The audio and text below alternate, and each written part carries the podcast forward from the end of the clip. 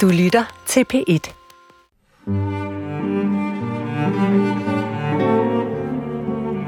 Hvor langt kan man gå for den, man elsker?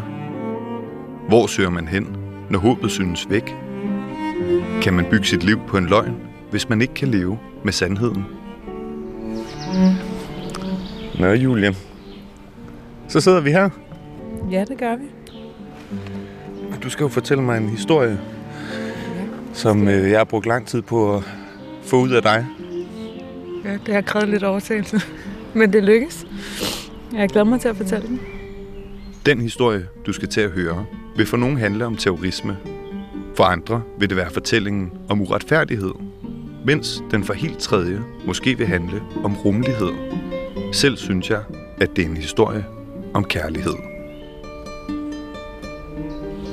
Og jeg kan fortælle, at vi sidder i en slotshave et sted på Sjælland. Har jeg foran os en græsplæne med sådan lidt vildt voksende græs og en blodbøg. Og det var jo mig, Julie, der insisterede på, at vi skulle ud i naturen, fordi jeg synes, at store samtaler øh, kræver store rum. Vi gad ikke sidde i en stue eller et studie for den sags skyld. Så nu sidder vi her i naturen. ja. Skal vi tage fat? Os gøre det. Jeg hedder Sigurd Hartkorn Pletner, og du lytter til første afsnit af Mohammed og Julie. Velkommen til. Det var i starten af nullerne. Jeg har været omkring de 18 år. Jeg boede hjemme hos mine forældre i Nordsjælland. Øh, og øh, en aften, der skulle jeg være sammen med mine veninder, hvilket jeg var rigtig meget. Og vi skulle øh, drikke lidt drinks og ryge lidt fjollet tobak. Og i den forbindelse, der inviterede vi øh, en, nogle fyre fra København hjem til mine forældre. Det var alligevel en lang togtur til hele vejen til Nordsjælland for at se nogle piger, men det gjorde de. Og øh, så kom der en gruppe af meget unge, sprudlende, mørklødet, øh, underholdende, friske fyre hjem til mine forældre. Og så bragte de bare en, en anden sådan livsglæde, en anden energi, end jeg har været vant til tidligere. Hen ad aftenen bemærker jeg særligt en af fyrene, som hedder Mohammed. Der var bare noget særligt over ham. Hans udstråling. Han havde det her meget store smil med helt hvide tænder og var, og var meget lattermild. Han grinte af alt. Han var et dejligt frisk pus, som jeg ikke havde set eller oplevet andre steder før. Vi udvekslede nogle blikke, og hen ad aftenen, så falder man lidt mere i snak, og vi dansede og grinte meget.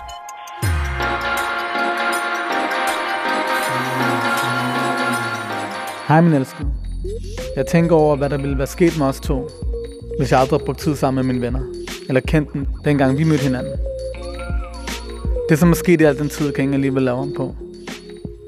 Selvom al den sorg og ulykkelighed, som jeg har bragt dig, alligevel ikke kan tages tilbage på nogen måde, så håber jeg, at du en dag, før livet er forbi, kan tilgive mig. Inshallah.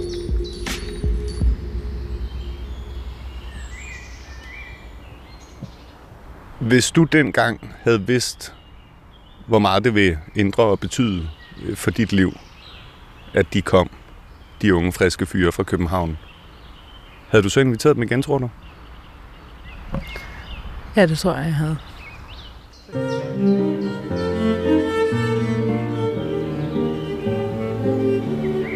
Når vi som mennesker træffer vores valg her i livet, er de langt hen ad vejen resultatet af den samlede erfaring, vi har opbygget, de påvirkninger, vi er blevet udsat for, samt de moraler og etikker, som vi abonnerer på. Så før vi bevæger os videre i den her historie, er det måske værd lige at dvæle ved, hvilket menneske Julie var, og hvad hun kom fra, da hun den her aften bliver nysgerrig på den unge Mohammed.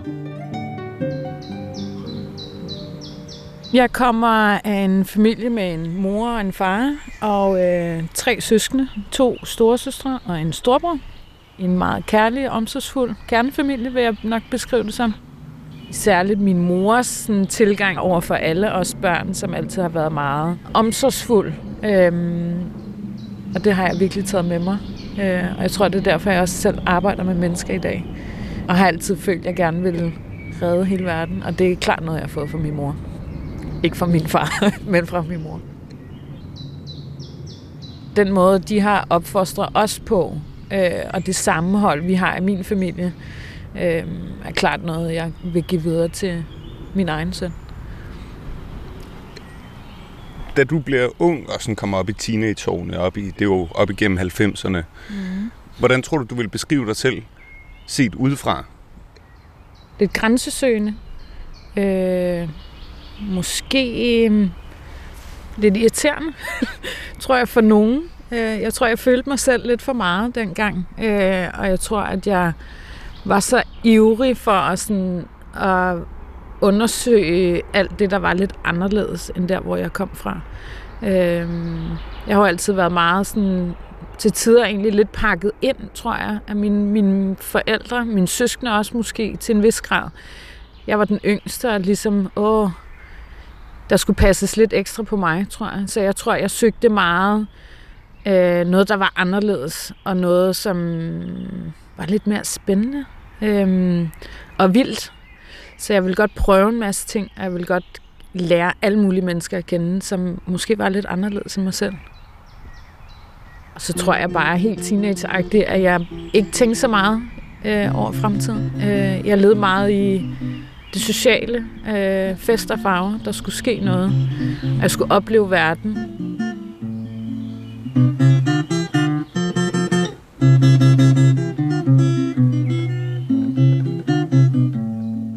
Den unge Julie fra en ressourcestærk kernefamilie med et stort verdensudsyn og en flok livstørstige unge mænd og kvinder med promiller i blodet og glimt i øjnene, lader sig tilbage til festen i det nordsjællandske rækkehus. Han var rigtig god til at danse.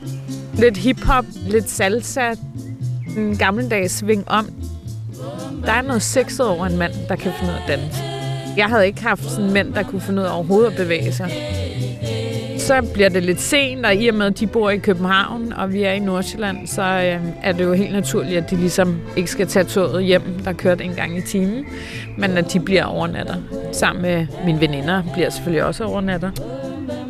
Jeg kan godt mærke, at Mohammed synes, at det kunne være rigtig, rigtig hyggeligt, at vi skulle sove på samme værelse. Det synes jeg nok i bund og grund også kunne være rigtig hyggeligt, men jeg vælger ligesom at være påpasselig og sige, at det skal vi ikke. Uh, han fløter. Jeg kan huske, han står uh, der i med det rækkehus, hvor min forældres hus to etager. Jeg står unge på med en veninde, og han står nede og fløter med mig nede for enden af trappen og siger, ah Julie, kom nu. Det kunne da være meget hyggeligt, og jeg troede altså, at jeg skulle sove med dig. Det er derfor, jeg bliver her. Og så grinede han lidt. Han sagde det lidt sjovt, men jeg tror, han mente det lidt. Og så øh, kan jeg huske, at de gik ind og sov øh, på et andet værelse, ham og øh, de andre drenge, og øh, mig og min ene veninde gik op og sov ovenpå. Og så snakker man jo som veninder om aftenen, og jeg kan huske, at jeg sagde til min veninde, der er noget med ham, Mohammed, jeg synes er lidt spændende.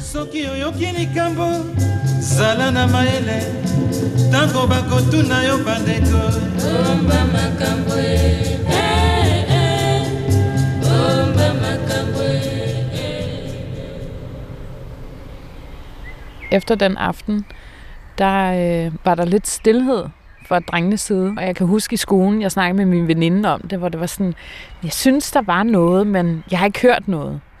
Og jeg tror, jeg egentlig er lidt gammeldags anlagt med, at det var fyren, der ligesom skulle tage det første skridt. Så jeg prøvede bare at spille en helt vildt kostbar og gjorde ikke noget.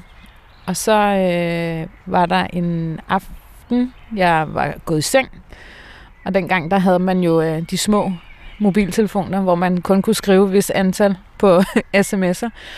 Og så vågnede jeg ved, at jeg fik en besked for et nummer, jeg ikke kendte. Og så blev man jo helt, åh, oh, hvem er det? Og så var det Mohammed, der skrev til mig. Øh, og så fik jeg et sug i maven og tænkte, ej, er det ham, er det ikke ham? Hvor han så skrev til mig, at øh, han synes, det havde været rigtig hyggeligt hjemme hos øh, mig, og han synes, at øh, jeg virkede rigtig sød, og han kunne godt tænke sig at lære mig bedre at kende. Altså, jeg blev rigtig glad, øh, fordi det var jo det, jeg håbede på. jeg skrev til ham, at jeg selv synes, det har været rigtig hyggeligt, og jeg synes, at han også virkede rigtig sød. Meget teenage-agtig. Øhm, og så aftalte vi, at vi skulle ses igen. Øh, og så efterfølgende, der øh, endte vi med at skulle mødes weekenden efter, hvor vi skulle til, os piger skulle komme til København. Hvor vi skulle i byen.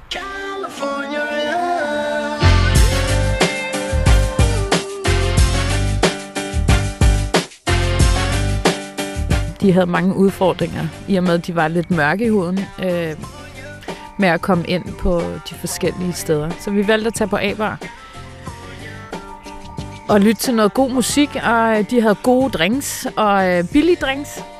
Så vi mødtes med dem derinde, og så startede vores aften med, at vi drak og spillede bordfodbold. Og så gik man ligesom ind ved siden af. Så fik vi sådan bord, og så fik man nogle flasker. Mohammed spurgte, om vi ikke skulle danse, og tog armene sådan frem for at tage mig i hænderne for at sige, nu skal vi op. Det ville jeg vildt gerne, men jeg synes også samtidig, det var vildt angstprovokerende, fordi jeg vidste jo, hvor god han var til at danse. Så øh, jeg var lidt, lidt nervøs til at starte med, fordi så er det som om ens ben bare går lidt i stå. Først var vi flere, der var derude og dansede. En af hans venner, ham der var rigtig god til at danse, øh, førte sig lidt frem på dansegulvet. Men så var det som om, at de andre forsvandt lidt, og så var det bare mig og Mohammed, der stod der og dansede. Vi stod helt face to face, og så kyssede han mig ud på dansegulvet.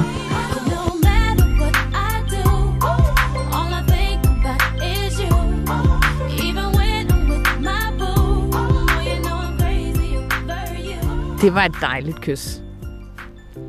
Han havde store læber, så øhm, det var ikke noget voldsomt kys. Det var meget, meget blidt, stille og roligt kys. Og så blev jeg selvfølgelig helt genert, og så dansede man lidt videre. Og så vidste jeg godt, at nu, skulle, nu startede der noget med ham.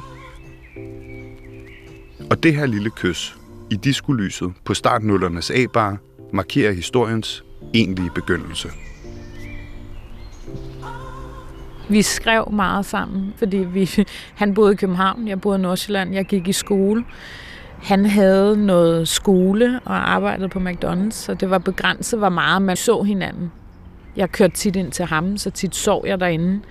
Men det blev primært en weekend-ting, øh, i og med, at, at vi havde den afstand, som vi havde, og man skulle tidligere op og i skole. Og så holdt jeg ham lidt skjult for mine forældre. Øhm, så det var ikke så nemt, det der at sige, om jeg har forresten fået en kæreste, der bor inde i København. Det, det sagde jeg ikke rigtigt. Jeg tror at måske mine forældre godt vidste. De vidste jo så mange ting, som man ikke fortalte dem. Men øh, det hed så lidt, at jeg besøgte en, en god ven, der boede inde i København. Jeg husker ikke, at vi havde den sådan helt officielle snak, sådan, Nå, at vi nu kærester. Det husker jeg ikke. Vi lærte hinanden bedre og bedre at kende, og vi lærte hinandens venner bedre og bedre at kende. Øhm, så det var bare meget naturligt.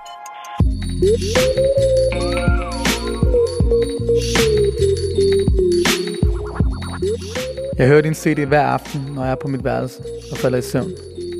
Og når jeg vågner næste dag, kører den stadig. Jeg savner dig så meget, og savner dig mere og mere for hver dag, der går. Jeg håber, jeg snart ser dig, skat. Mohammed var faktisk ikke min første forelskelse. Han var min anden.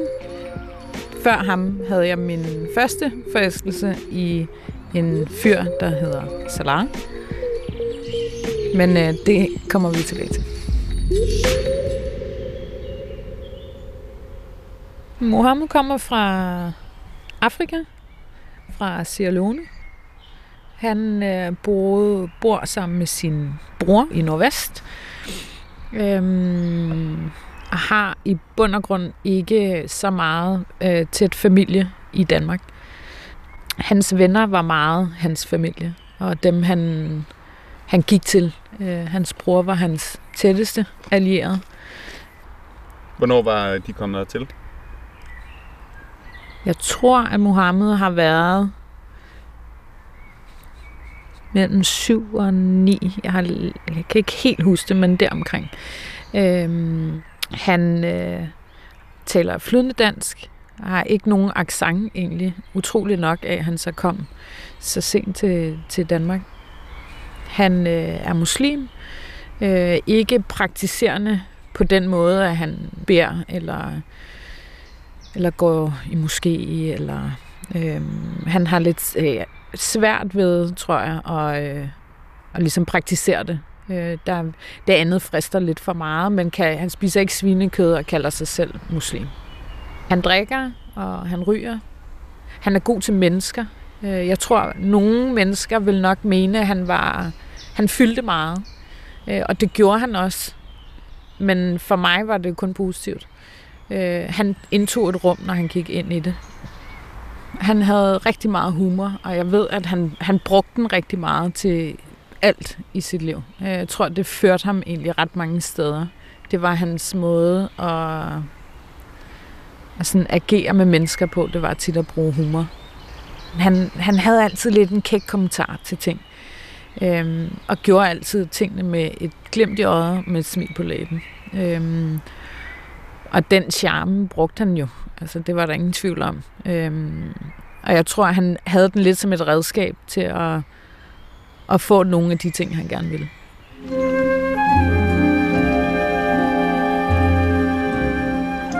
Vores forhold er meget baseret ud på humor og smil og grin.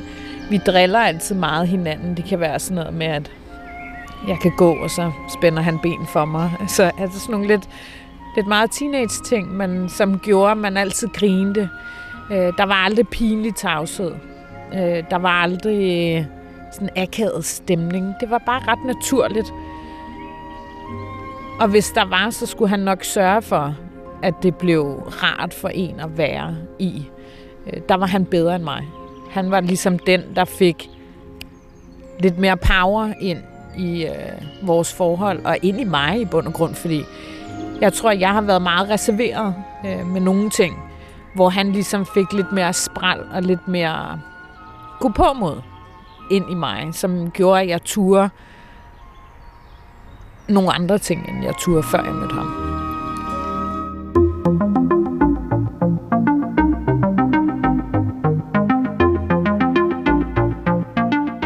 Jeg håber, jeg ser dig snart, skat.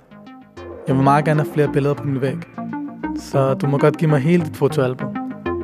Jeg har skrevet det, der skal stå på din trøje. Men jeg kan ikke lave den endnu. For ham, der laver trøjer, på ferie. Jeg lover, at du får den, så snart den er lavet. Han kunne godt lide at bevæge sig. Han havde krudt i røven. Han, øh, der skulle ske noget. Øh, han var ikke god til at sidde og flette fingre hjemme og lade os sidde her i tre dage og kigge hinanden dybt i øjnene. Sådan en type var han ikke. Og han elskede at være blandt mennesker. Øh, jo flere, jo bedre. Og det var til tider lidt en mundfuld for mig, fordi at det, jeg har lidt, var lidt mere introvert, end han var. Øh, der skulle ske noget, og jeg havde ikke det samme behov. Men øh, jeg var tit med på sidelinjen og se diverse fodboldkampe og basket og you name it. Men øh, det gjorde jo også, at jeg blev lidt mere social, end jeg måske var tidligere. Så er han god til at lave mad. Han brænder rigtig meget for at lave mad, og øh, kan godt lide at bruge maden til at give glæde til andre. Men han brugte jo flere timer på at lave mad. Det var jo at sætte noget over, der skulle stå og simre en hel nat, for at det så blev øh, helt særligt dagen efter. Jeg tror ofte, han egentlig havde lidt for mange bolde i luften, til at han, han kunne tit glemme, nå, skulle vi det der, eller hov, jeg havde en aftale med det. Men dengang var det som om, at, at det var lidt mere acceptabelt, at man måske ikke lige kom til tiden. Øh, i nogen sammenhæng i hvert fald. Øh, og det var lidt den måde, ham og hans venner levede på. Det var lidt mere acceptabelt, at man ikke lige, ja, men jeg kommer, hvor man tænkte, skulle du ikke være der? Jo, senere. Øh, det var lidt okay hos dem, hvor jeg måske kommer lidt for noget andet, at hvis man har en aftale klokken to, så kommer man klokken to. Øh, det har jeg lært hjemmefra, at der kommer man altså til tiden. Det var han ikke så god til. Øh, og du vælger, selvom I nu bliver kærester, og du kommer rigtig meget inde hos ham, så vælger du alligevel at holde ham lidt skjult for din familie. Hvorfor, hvorfor vælger du det? Det er et rigtig godt spørgsmål, øh, og jeg har faktisk tit tænkt over, hvorfor jeg egentlig gjorde det.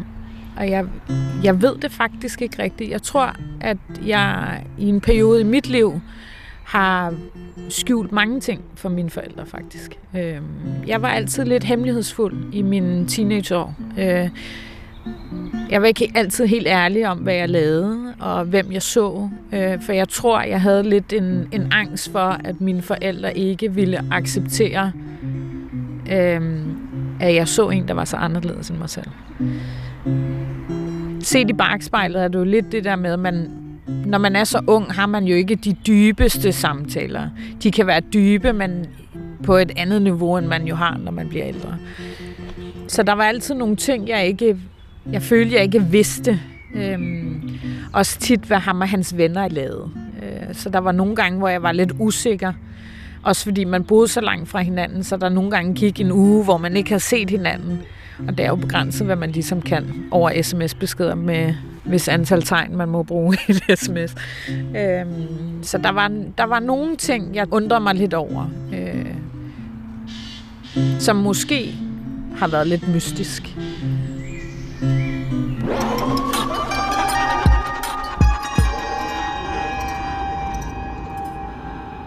Jeg glæder mig til at være alene med dig på onsdag. Du er så dejlig og smuk. Jeg elsker alt ved dig, min egen.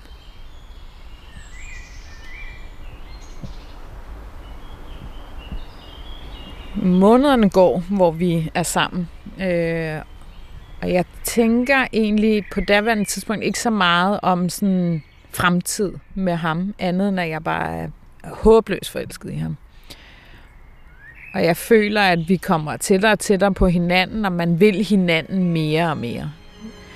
Vi er meget, han er meget kærlig, han er meget... Berøring fylder meget. Han er god til at, at vise, at han godt kan lide mig. Jeg altid synes det der med, når folk gik hånd i hånd på gaden, eller kyssede på gaden, var lidt noget mærkeligt noget. Og hvorfor, hvorfor? Jeg synes, det er lidt en privat ting.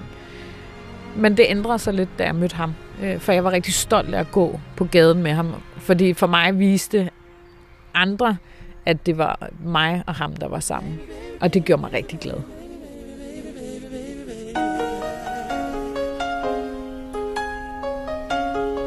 Vi hører meget musik sammen. Det er noget, der fylder rigtig meget. Også, jeg havde kørekort, han havde ikke kørekort, så vi kører rigtig meget. Også, det gjorde man jo dengang, man cruisede meget. Og der hørte vi rigtig meget musik. Og en af de sange, vi hørte allermest, det var All My Life med Casey og Jojo. Tror du, teksten den for ham handlede om jer to?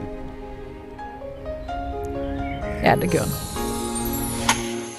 I will never find another lover sweeter than you, sweeter than you. And I will never find another lover precious than you,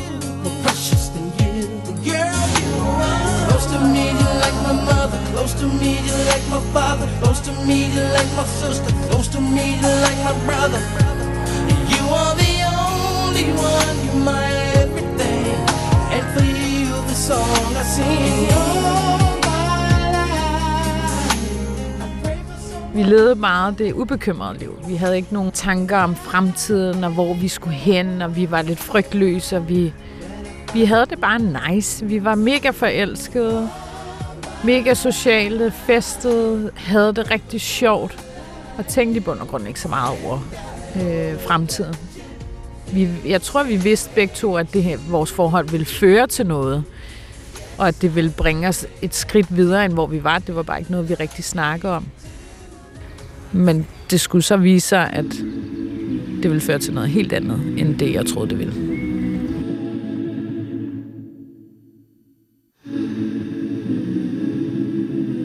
En lys, en mørk, en kristen, en muslim. To unge, forelskede hjerter, der banker frygtløst i brystet.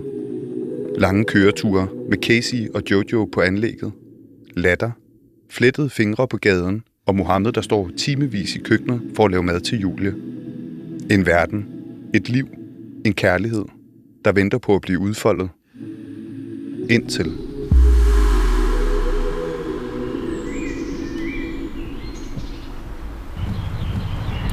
Jeg tror, vi har været sammen lidt under et år. Øhm, og pludselig så hører jeg bare ikke noget fra ham. Der var ikke nogen beskeder, han ringede ikke. Og jeg kunne simpelthen ikke forstå, hvorfor. Men der var noget i mig, som undrede sig rigtig meget over, hvad det var, der egentlig var sket. Indtil jeg så finder ud af, at han er kommet i fængsel. Jeg ved ikke hvorfor. Der er ikke nogen, der fortæller mig om, hvorfor og hvad der er sket. Så jeg går i sådan en uvidshed, og egentlig ikke ved noget som helst. Jeg ved ikke, hvor han er henne. Jeg ved ikke, øh, hvornår jeg hører fra ham. Mohammed er ikke fængslet for at have krydset gaden for rødt, og den dom, han kort efter modtager, bliver ikke kun definerende for ham selv, men også for Julia. Jeg fik ikke at vide, hvad han var sigtet for. Men jeg tror, at jeg troede, at, at det, det ville være hurtigt overstået. Det var det langt fra.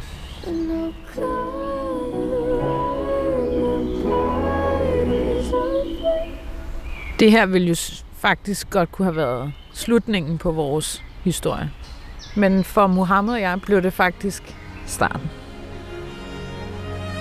Lyt med i næste afsnit.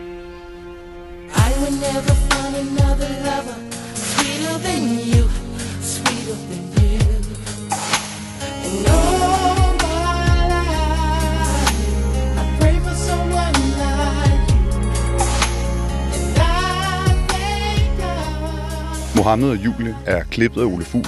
Babak Vakili har indtalt Mohammeds breve, og det hele er tilrettelagt og optaget af mig, og jeg hedder Sigurd Hartkorn Pletner.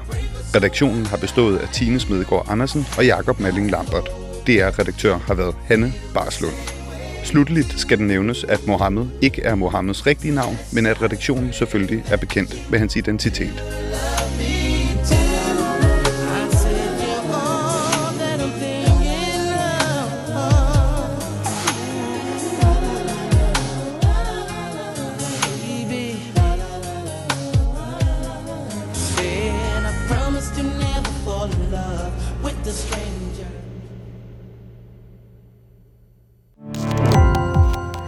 Gå på opdagelse i alle DR's podcast og radioprogrammer. I appen DR Lyd.